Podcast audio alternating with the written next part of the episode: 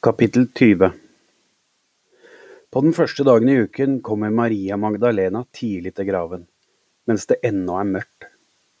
Hun ser at steinen er blitt tatt bort fra graven, og da løper hun og kommer til Simon Peter og til den andre disippelen som Jesus elsket.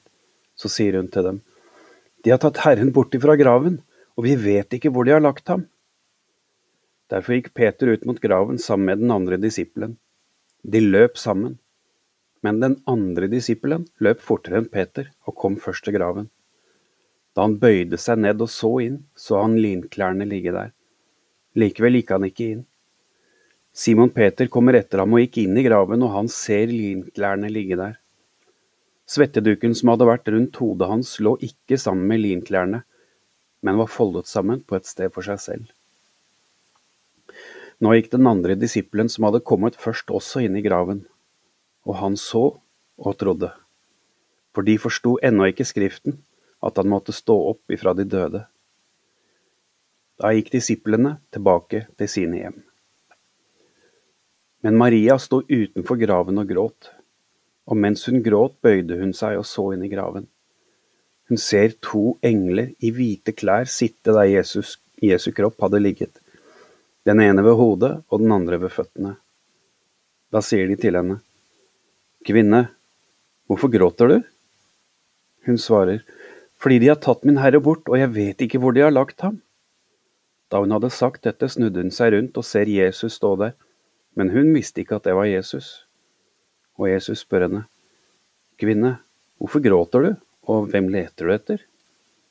Hun tror det er gartneren og sier til ham, Herre, hvis det er du som har tatt ham og båret ham bort, så si meg hvor du har lagt ham, så, sånn at jeg kan hente ham. Og Jesus sier, Maria. Hun snur seg og sier til ham, Rabuni. Det betyr mester. Men Jesus sier til henne, Ikke heng på meg ennå, for jeg har ikke fart opp til min far. Men gå til mine brødre og si til dem, Jeg farer opp til min far og deres far, til min Gud og til deres Gud. Og Maria Magdalena kom og fortalte disiplene at hun hadde sett Herren, og at han hadde sagt dette til henne. Om kvelden samme dag, den første dagen i uken, var dørene lukket der disiplene var samlet. Det var fordi de fryktet for jødene. Da kom Jesus og sto midt iblant dem og sier, Fred være med dere. Da han hadde sagt dette, viste han sine hender og sin side. Disiplene ble glade da de så Herren. Og igjen sa Jesus til dem, Fred være med dere. Som Far har utsendt meg, sender jeg også dere. Da han hadde sagt dette, pustet han på dem og sa, Ta imot Den hellige ånd. Hvis dere tilgir noen deres synder, er de tilgitt. Og hvis dere fastholder syndene for noen, er de fastholdt. Men Thomas, som ble kalt Didymus, eller tvilling, som var en av de tolv, var ikke sammen med dem da Jesus kom. De andre disiplene sa til ham, Vi har sett Herren.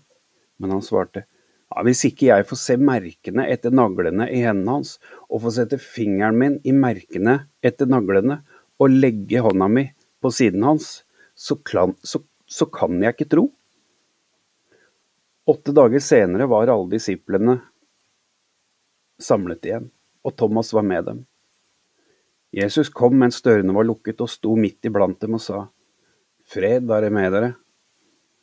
Deretter sier han til Thomas, Thomas, kom med fingeren din og se hendene mine. Kom med hånden din og legg den på sida mi, og ikke vær vantro, men troende. Thomas svarte ham, Min Herre og min Gud.